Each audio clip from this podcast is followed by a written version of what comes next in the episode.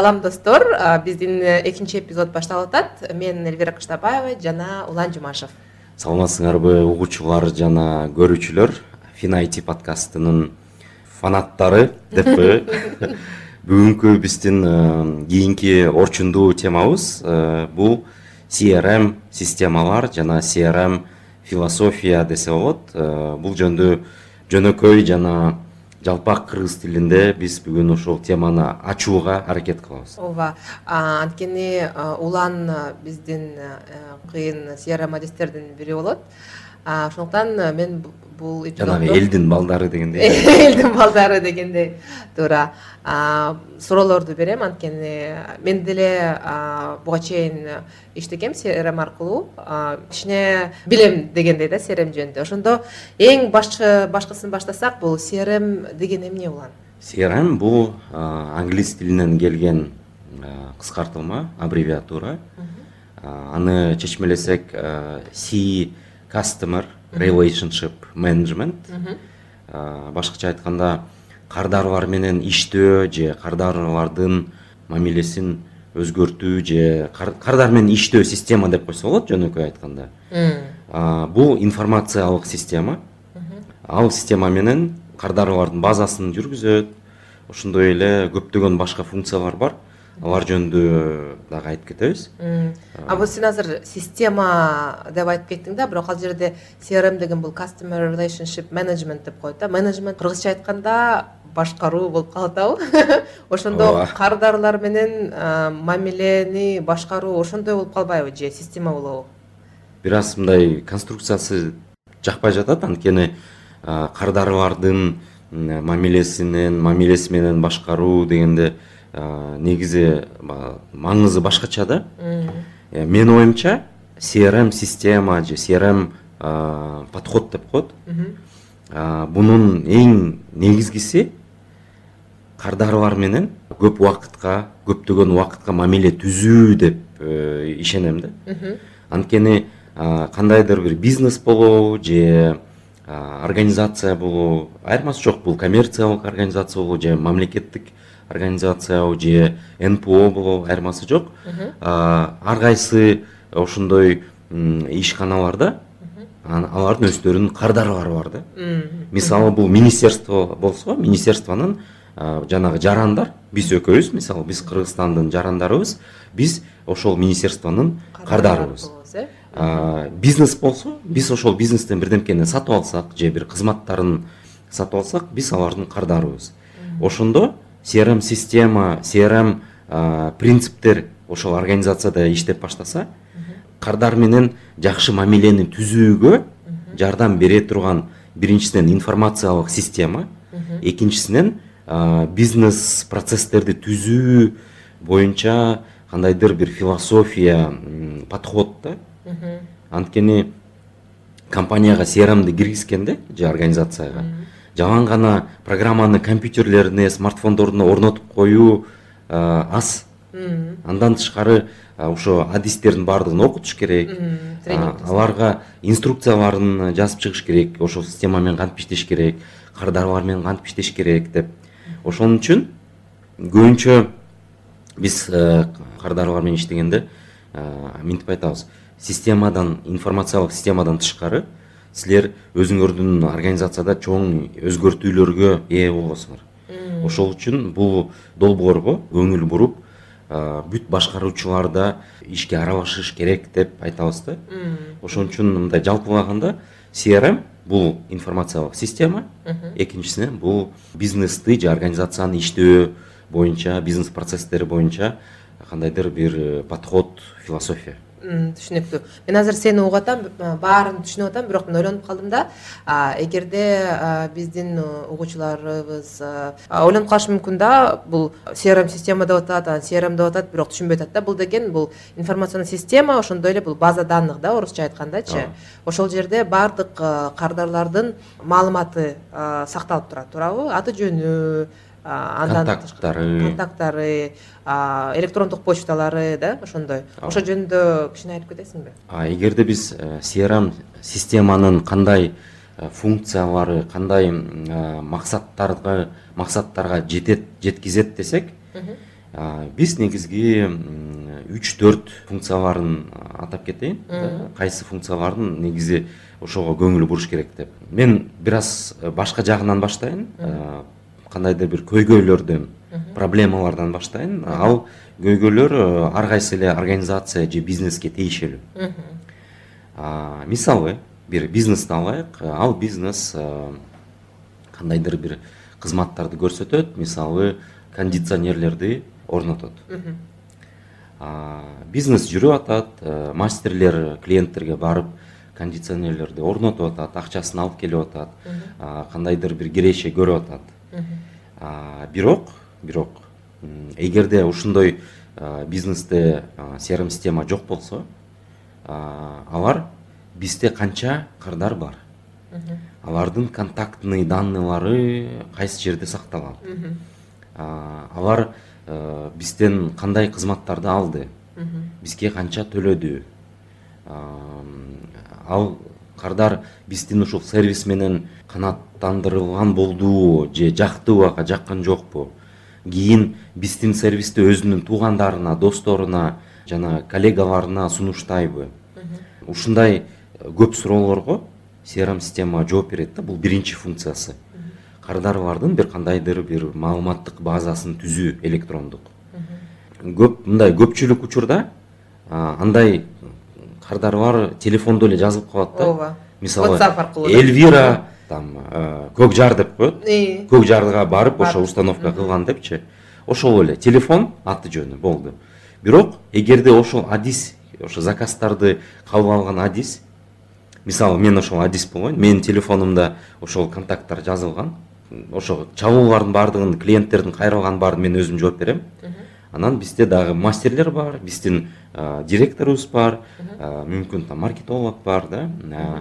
Мен кандайдыр бир э, себеп менен жумуштан кетип атам мага мени жумушта кетирген кантип кеткеним жаккан жок мен контакт эчтекени калтырбай ал телефонду алып кеттим анткени менин бул телефонум өзүңдүн болчу менин өзүмдүн телефонум менин контакттарым мен эмнеге силерге аны берем бербейм ошол ошо э? боюнча э, контактный база жок эми ар кайсы бизнестин ар кайсы организациянын өзүнүн мындай өзгөчөлүктөрү бар.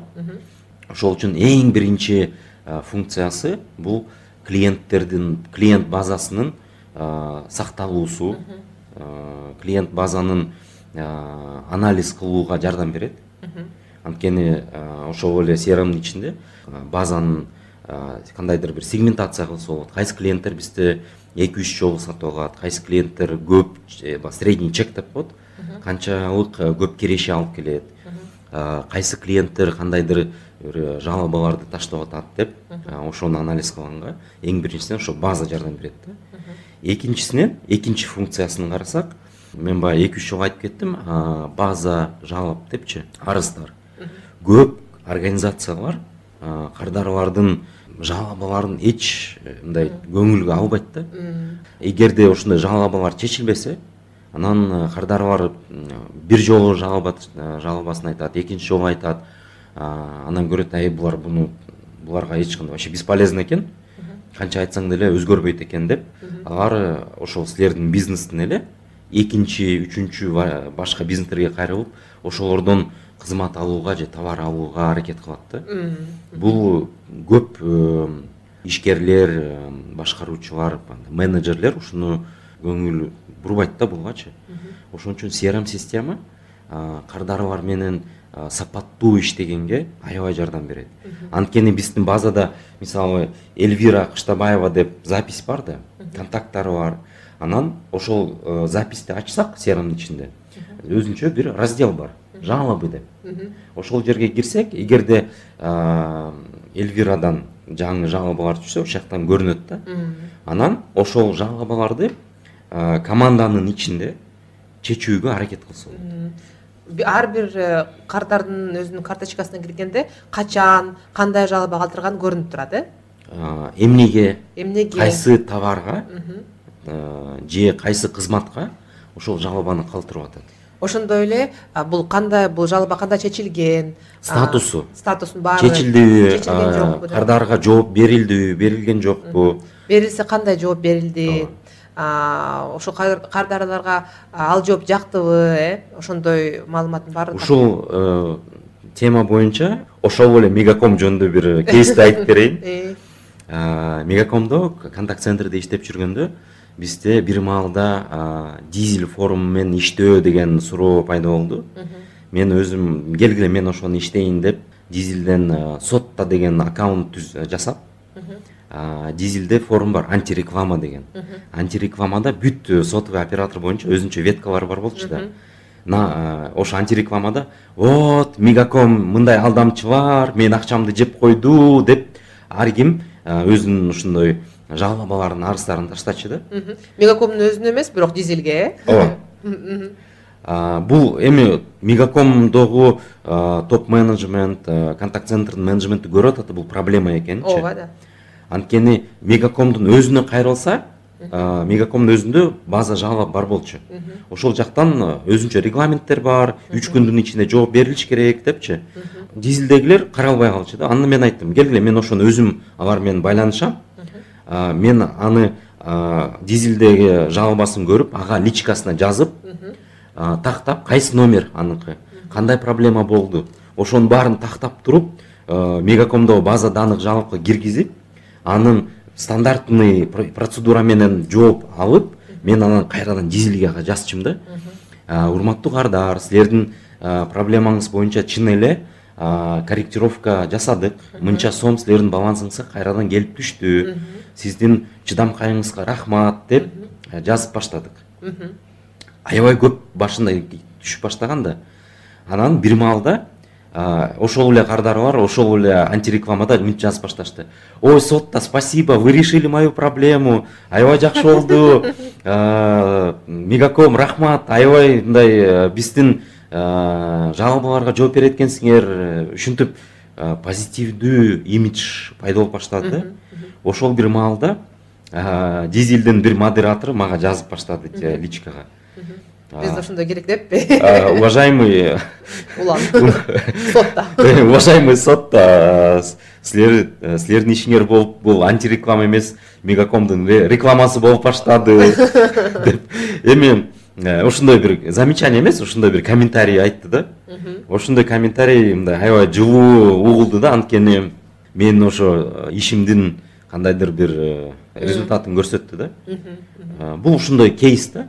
Эгерде жалобалар менен кайсы жактан түшөт айырмасы жок. Кардар бар алардын ушундай э, свойствосу бар да. Алар бизнестин брендтин өзүнө айтууга көбүнчө же убакыты да жок же мындай чыгынбайт да. Жазып койгон э, башка жерге фейсбук группага там хреновинага нам не понравилось черный списокко жазып коет вот мага мындай деп. А брендтин өзүнө кайрылбайт ошон үчүн ар кайсы бизнесте ар кайсы организацияда ошондой жалобалар менен иштөө боюнча бир роль болуш керек да. Бир адам ал мүмкүн директор өзү же директордун замы. Же начальник отдела продаж болобу айырмасы жок. Бирөө болуш керек. Анткени ушундай жалоба менен иштөө бул бизнестин же организациянын результаттарын көбөйтүүгө жардам берет. Үчүнчү негизги функция бул сатуу процессин колдоо. Crm системада көптөгөн модульдар бар. Сатуу процессине жардам бере турган. Биринчисинен бул потенциалдуу кардарлар же лиды деп коет бул пока силердин кардарларың эмес бирок балким кызыкчылык көрсөткөн адамдар да же организациялар ал өзүнчө модуль. Ал жака сайт мисалы силердин сайтыңарда оставить заявку деген раздел болсо ал жерге аты жөнүн телефонун таштайт отправить заявку десе crmге келип түшөт же инстаграм фейсбуктан реклама бергенде көптөгөн биздин угуучулар э, байкаган болуш керек. Оставить заявку деген тоже же отозваться деген э, кнопка болот. Ошону бассаңар силердин аты жөнүңөр э, инстаграм фейсбукта емейл телефонуңар жазылып калат. Ошону бассаңар ал деле crmге келип түшөт.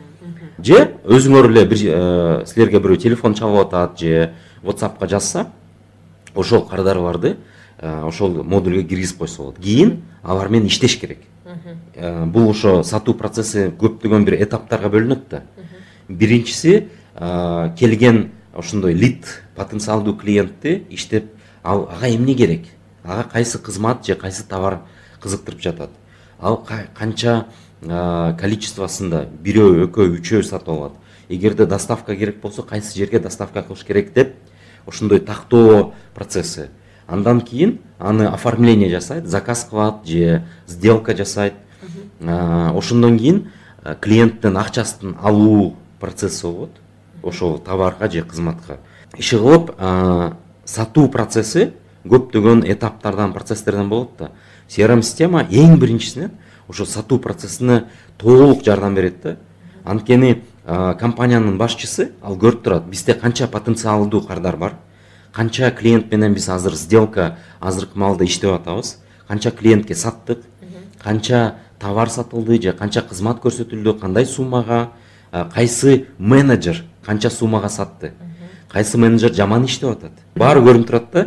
Ошол үчүн компанияга crm киргизилип жатканда кээ бир продажниктер кетип калышат аяктан. Кетип калышат же аябай жаман көрөт саботаж кылышат да анткени алар башчыларга менеджерлерге айтат да ой могу клиенттердин баары отказ кылып атат азыр кризис болуп атат биздин товар кымбат болуп атат же биздин товар сапаттуу эмес депчи? Ошентип түшүндүрөт да өзүнүн сата албаган фейлынчы иштей албаганынчы. А жакшы иштеген продажисттер алар билет что а мен могу кардар менен до конца иштеген жокмун буну до конца азыр дажим жасаш керек. Буга возраженияларына жооп бериш керек буга коммерческий жибериш керек буга информация жөнөтүш керек бул менен жолугушууну сүйлөшүш керек деп. Мындай өзү профессионал болсо crm жок деле аракет кылат да. А ошондой профессионалга crm пайда болгондо. Ал эки эсе өзүнүн продуктивностун көбөйтөт да. Анткени ал өзүнүн кардарын көрүп турат кайсы клиент менен кайсы статуста болуп турат кимге эмнени жөнөттү өзүнүн баягы календарында планын көрүп турат да. Бүгүн могулар менен жолугушушум керек бул менен звонок жасаш керек буга whatsappка информация жөнөтүшүм керек. Эртең бул менен жолугам эгерде жаңы кардарлар келип түшсө алар менен сүйлөшүп тез тез информацияны киргизип өзүнө напоминание жасап өзүнүн баягы сатуу воронкасын көрүп турат sales funnel деп коет англисче воронка продаж орусча ошонун баардыгы crmде эң основной функционал. Кардар биздин өзүбүздүн crm технологиясында кардарларга crmди сунуштаганда биз айтабыз эң биринчисинен силердин сатуу отделиңер полностью автоматизация болот деп биринчиси экинчиси кардарлар менен иштөө процессинде сапатты кандайдыр бир э, жогору деңгээлде кармап баягы жалобаларына жооп берип имидж кардарлардын лояльностун көтөрүү боюнча чоң жардам. Үчүнчү тармагы бул маркетинг менен байланышкан. Crmде көпчүлүк crmдерде маркетинг менен байланышкан кээ бир функциялар бар. Эми көбүнчө маркетинг боюнча өзүнчө системалар бар. Алар жанагы социалдык тармактарда кабинеттер менен поисковый система баягы google яндекстеги системалар менен иштешет бирок э, токсон пайыз crmдерде ошол реклама менен рекламадан келип түшкөн маалыматтарды кардабаягы заявкаларды алуу рекламадан кандайдыр бир анализ кылуу кайсы реклама жакшы иштеди деген э, отчеттор э, репорттор бар да. Ошолор менен иштөө боюнча функциялар бар. Сонун экен. Сен айтып кеттиң бул ошо кардарлар эле кардарлар депчи бирок бул ар кандай организацияларга колдонсо болот туурабы бул crmди ошол бул мамлекеттик организацияларга деле колдонсо болобу же бул жөн эле жеке ишкерлерге арналган системабы чын айтканда любой организацияга колдонсо болот. Бирок ичиндеги ошо системадагы настройка жасоолору башкачараак болот да. Мисалы мамлекеттик э, же коммерциялык эмес деп коелу товар же кызматты сатпай турган организацияларда алар жанагы э, sales funnel э, воронка продаж лиды сделки заказы деген модульдарды колдонушпайт бирок бирок crmдеги ошол база маалыматтык базасын колдонот мисалы кардарлардын базасы да? Мисалы гражданиндердин базасы деп коелучу мындай ошо мамлекеттик органдарга жакыныраак болот ошол мамлекеттик э, органда кайсы граждандар менен иштесе ошолордун базасы ошол базага тиешелүү дагы башка модульдар бул ошол эле жалобалар анткени ар кайсы эле мамлекеттик э, органдарга министерство агентстволорго жалобалар келип түшөт.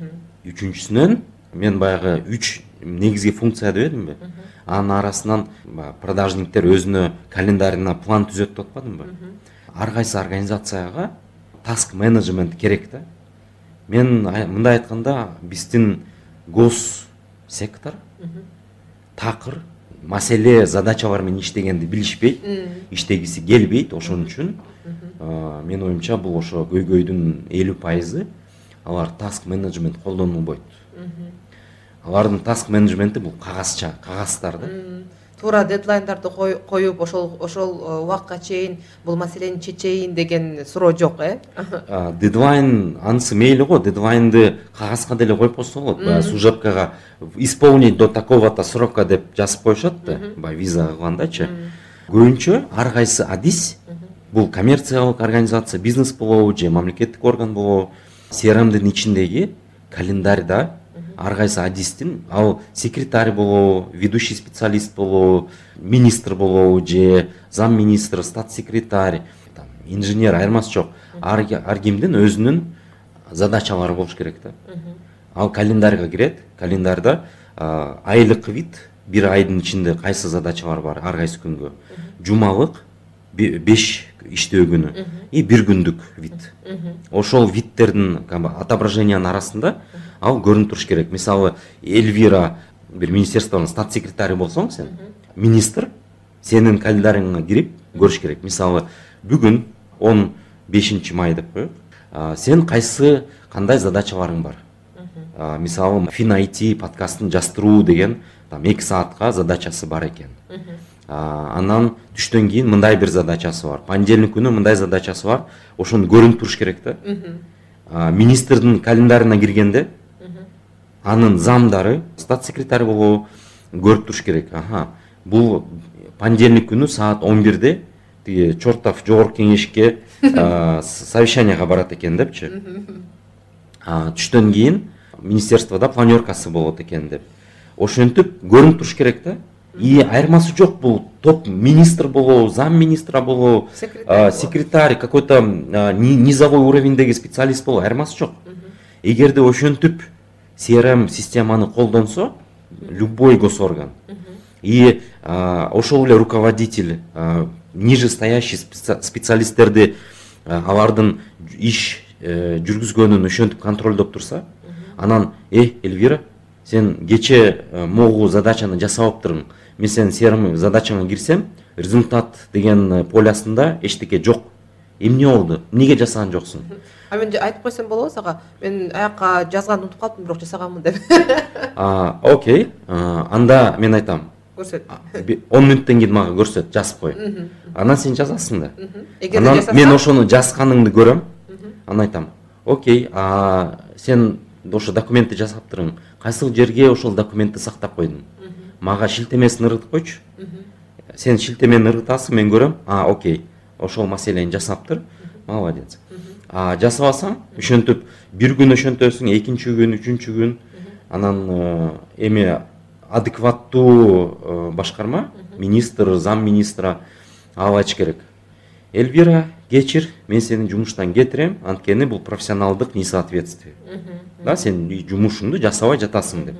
Эми бизде токсон беш пайыз э, министрлер алар неадекваттуу анын адистери иштебесе деле аларды жумуштан кармай беришет да. Алар жумушта кала беришет. Crm ошондой эми мындай мисал көрсөтүп атам да. Ошондо прозрачность болот ошондо контролируемость болот. И бул принциптер э, коммерциялык мамлекеттик организацияларга тиешелүү. Эми мен мамлекеттикти айтпай эле коеюн ал жакта ал процесс аябай мындай кыйын. А бирок бизнесте бул аябай чоң э, демилге аябай чоң жетишчилик болот да эгерде организацияда ошондой таск менеджмент иштеп баштаса crmдин ичиндеги. Мисалы сен азыр айтып баратасың бизнес жөнүндө мага бизнес бир эле кишиден эмес бир нече кишиден командадан турат. турат э. Ал эми бул фрилансерлер болот го өзүнө эле иштейт же болбосо консультация берет ошо жеке ишкер бирок мен орусча айтып койдум фрилансер деп. Анткени бул англис тилинен келген сөз. Англисче ооба англис тилинен келген сөз. Жеке ишкерлер э, өзүнүн эле кызматын консультация кылып берген башка бизнестерге мисалы. Ошолорго crm керекпи же кереги деле жокпу өзү жалгыз эле иштейт го? Эми эльвира сен ангажированный специалистке суроо берип атасың да? Мен crm боюнча эксперт э, специалист болгондон кийин менин жообум crm баардыгына керек деп айтам да. Бирок чын эле crm ким бизнес жасаса эми фриланс фрилансер ал бизнесмен да. Мындай айткандачы ишкер бизнесмен. Негизи керек. Эми башка суроо кандай crm система керек? Crm система деп эми excelди деле бир аябай жакшылап настройка кылып койсо деле фрилансерге мүмкүн ошондой crm жетет ага. Жанагы корпоративдик э, промышленный программное обеспечение crm эмес. Өзү жасаган crm деп ошондо excel crmди заменять этип коюшу мүмкүн э? Эгерде бир эле адам болсо. Бир эле адам болсо эгерде эки үч адам болсо crmдин функциялары уже жетпей калат excel. Excel excel как crm катарчы анткени excel бул кандай десем однопользовательский да? Бир адам иштесе ал өзү билет мен могу жер могу ячейкага буну өзгөрткөм буну кошком минткем деп. А эгерде эки үч адам бир excel файл менен иштесе анда чын айтканда башаламан болуп кетет. Анан баягы өзгөртүү тарыхы да жакшы көрүнбөйт. А бирок азыр жанагы спредшиттер аябай колдонуп атат го билбейм google э, спредшит google спредшиттер биздин компанияда биз бирдеме болсо эле ошо google спредшит кыла беребиз да анан кийин аны мындай шер деп коет бөлүшүп башка адамдын ички почтасына жиберилет да автоматикалык түрдө ошол бул маселени чече алабы? Анткени айтып атпайсыңбы бөлүшкөн деле кыйын болот деп жөн эле excel менен колдонгондо. Бирок google спредшиттер ошол excelге окшош эле негизи эгерде именно онлайн excel болсо google спредшит же майкрософттуку азыр яндекстики да пайда болуп калыптыр.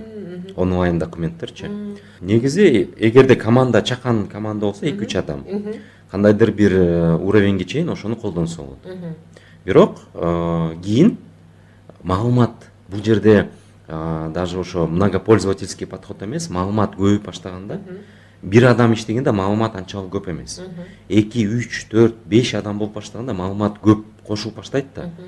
Excel как база катары да база данных катары.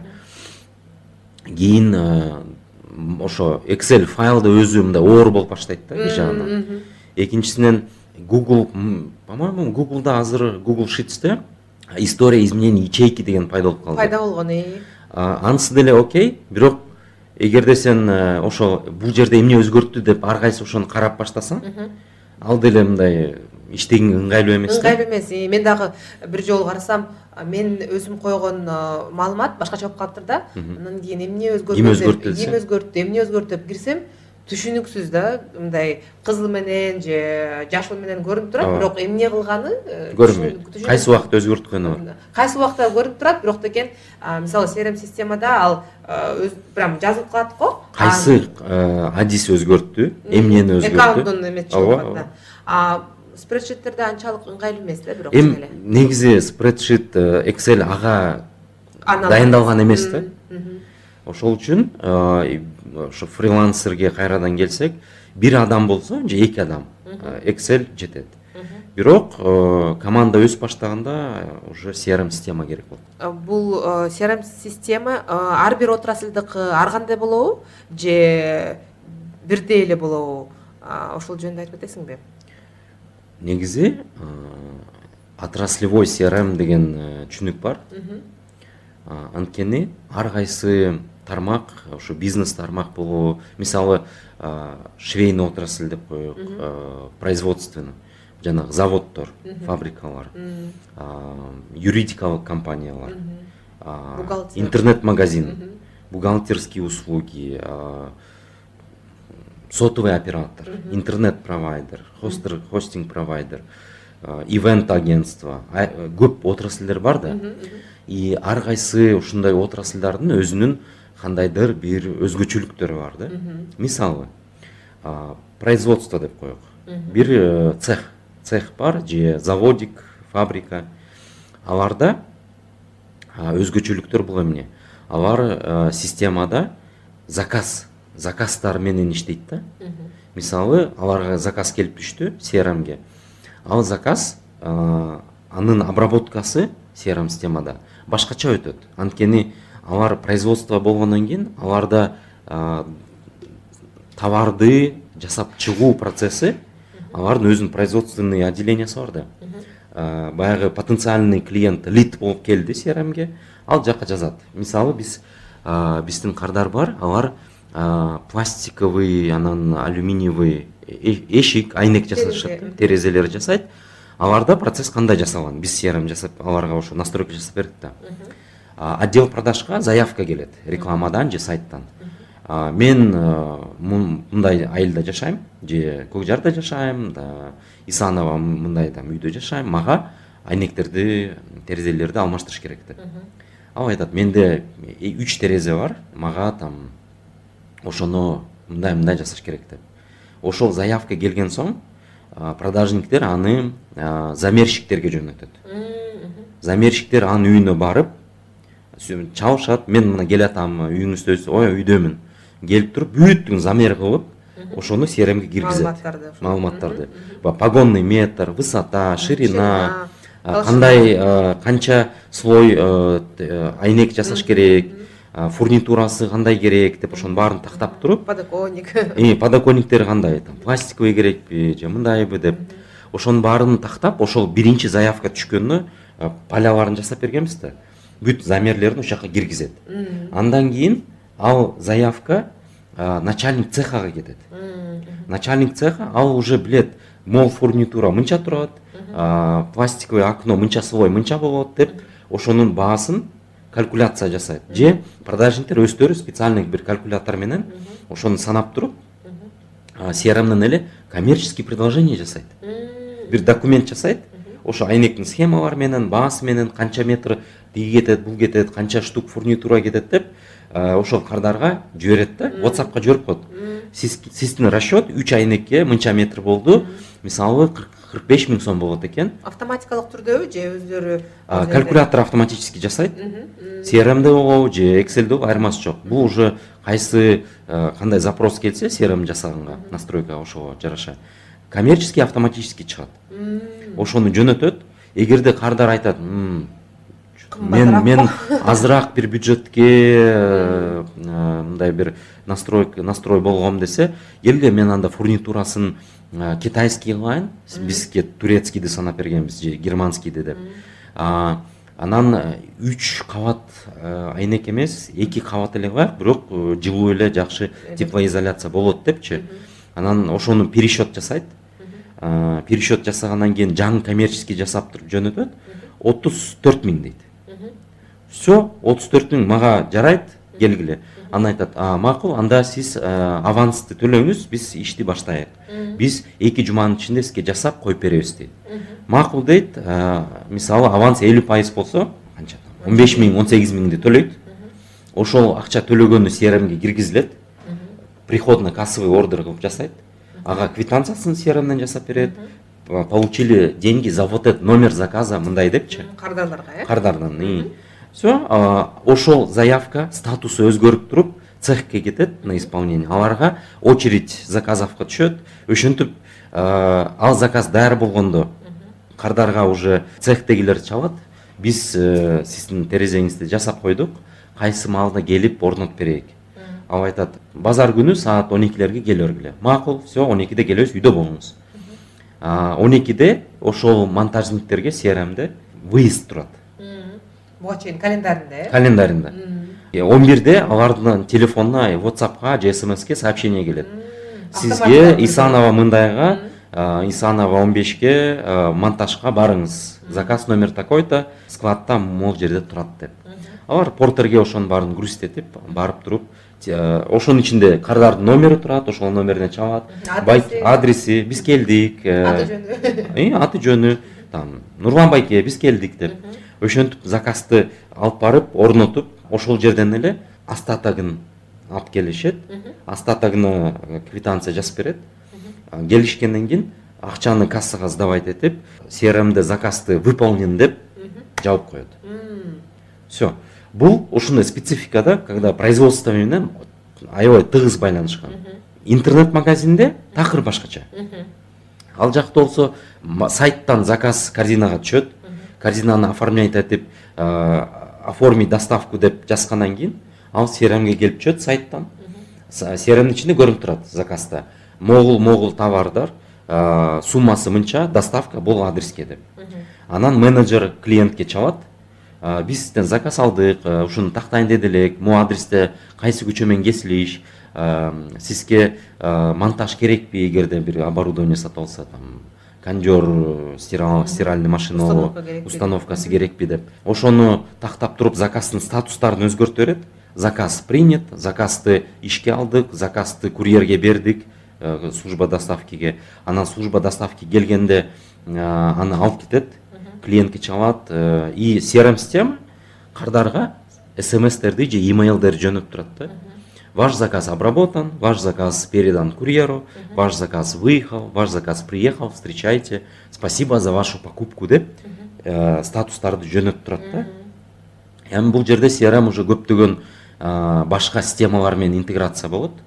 Анткени ал жақта 1с болады телефония менен интеграция болады. Телефониямен интеграция қылғанда жаңа қардарлар чалғанда э, ә, crm көрініп тұрады. Кім чалып эгерде crmде заказ болсо көрүп турат бунун мындай заказдар бар экен депчи ошон үчүн ар кайсы бизнеске сферага өзүнчө отраслевой crmдер бар. Биз деле көптөгөн отрасльдерге жасап чыкканбыз ошо мен азыр эле ойлонуп аткам жанагы сулуулук салондорго дагы жасагансыңар э? Ооба. Билбейм силер жасадыңарбы же жок бирок мен барган жерде жазылганда өзүң деле кирип э, э, календарда календарда онлайн запись кимге кайсы кардарга кардарга дейм да кайсы адиске мастерге жазылганды кааласаң ошо кайсы убакыт убакыт бош экенин карап туруп жазылсаң болот. Ошондой эле жазылганда автоматикалык түрдө мага смс келет да. Эльвира сиз буга жазылдыңыз деп. Анан кийин бир күн ошо ошол күнү бир саат калганда мага келет. Эльвира бир сааттан кийин кечикпеңиз кечикпеңиз бир сааттан кийин ошол э, мастер сизди күтүп турат депчи. Ошол аябай ыңгайлуу анткени абдан көп э, жумуш э, тияк бияка чуркап жүрүп унутуп калышы мүмкүн да. И ошондой автоматикалык нерселер аябай азыр биздин жашообузду жакшыртып жасайт ошондой комфорттуу кылып. Анткени унутуп калышың мүмкүн да биз робот деле эмеспиз да э. Робот эмеспиз дегениң жакшы. Ошо. Чын эле бизде бар ошондой система. Аны биз оймо бьюти crm деп коебуз. Ал crm системада онлайн виджет бар. Мисалы ошол виджетке бассаңар календарь чыгат кайсы күнгө жазыласыңар кайсы мастерге кайсы кызматка. Мисалы салон красотыда көп кызматтар маникюр педикюр маникюр педикюр стрижка там покраска. покраска ооба анан мастерди тандап туруп ошону жазсаңар мастердин календарине түшөт силердин өзүңөрдүн календариңа дагы келип калат керек болсо. Бир саат калганда бир күн калганда уведомлять этип турат унутуп койбош үчүн. Ошондой маалыматтар келип турат. Аябай ыңгайлуу да баягы өзүңдүн таск менеджментиң оңоюраак болуп калат. Оңой туп туура. Бул crm жөнүндө кандай мифтер бар? Ошонусу эмнеси чын эмнеси чын эмес? Негизи эң биринчи мифтер crm аябай кымбат деген миф. Crmди орнотуу киргизүү аябай кымбат анан ал өзүн актабайт деген миф. Бул чындык эмес. Бул туура келбейт. Анткени crmдин баа жагынан аябай көп түрлөрү бар. Арзаны бар акысызы бар аябай кымбаты да бар. Crmди орнотуу ал деле анчалык кымбат эмес. Э, мисалы ошол эле один с э, же башка бир системаны киргизүү менен салыштырганда анын баасы же ошондой эле же арзан түшөт. Анткени crmди киргизгенде бүт толгон токой функцияларын киргизүү кереги жок. Crmди компанияга киргизгенде биринчисинен жанагы клиентский базаны иштеп ошо клиентский база менен иштеп баштоону биринчиси. Ошону эле баштап койсо анан экинчи кадам баягы продажалар менен иштеп баштап үчүнчүсү жалобалар менен иштеп баштап ушинтип этаптарга бөлүп киргизсе мисалы үч төрт беш алты айдын ичинде анын суммасы анчалык көп болбойт биринчисинен а эгерде облачный crmди киргизсе анда суммасы такыр эле мындай эч аны байкабай деле каласың. Анткени облачный crm мисалы биздин компанияда облачный crmди алсаң айына миң сом же эки миң сом төлөйсүң сен crmди уже колдонуп баштасаң болот. Ал даяр crm бирок ошол суммага э, техникалык тейлөө киргизилген. Сен э, бир нерсени crmди бирдемкени мага настройка кылып бер десең ошол сумманын ичинде биздин кызматтар бар. Экинчиси эгерде кандайдыр бир жаңы отчет керек болсо аны деле бир отдельный запрос кылып төлөп жазса болот. Ал сумма деле анча көп болбойт. Мисалы там бир отчет жазсаң там эки миң сом же беш миң сом болот. Зато силердин адистер толук кандуу ошол crmди колдоно алат. Бул аябай чоң суммалар эмес. Анткени даже малый бизнес деле алардын обороттору там эми элүү миң жүз миң сом айына болсо анан ошого ошонун арасынан эки миң сом айына төлөсөң бул интернетке көбүнчө көбүрөөк төлөйсүң да же башка бир ай сайын бир төлөмдөрдүн суммасы даже көбүрөөк болуп кетет да. Да. Ошондо бир айда бир эки миң төлөп коюп бирок ошол кызматтын өзүнүн кардары менен башкаруу дегенди айтып койбойбу ошондой мамилелер профессионалдуу корпоративдик уровеньдеги crm системаны булут форматында облачный форматында колдонсо болот эми биз ал сервисти mycloud kg деген биздин компания аркылуу көрсөтөбүз биздин көп кардары бар. О биз ошо crmди биринчи жолу колдонуп атабыз биз азыр көп инвестиция жасаганга даяр эмеспиз биз ай сайын эле төлөйлү деп ошентип колдонуп башташат түшүнүктүү азыр эле айтып кеттиң кымбат деле эмес кымбаты да бар арзануу да бар дегендей бул компаниянын чоңбу же кичинекей ошондон көз каранды болот экен. Ал эми акысыз crmдер барбы? Ошол жөнүндө айтып кетесиңби? Акысыз crm системалар бар. Мен мисал катары биздин продукт портфелибизде оймо crm деген продукт бар. Ал негизи акысыз vitiger crm деген open source баягы программный коду ачык акысыз э, системада.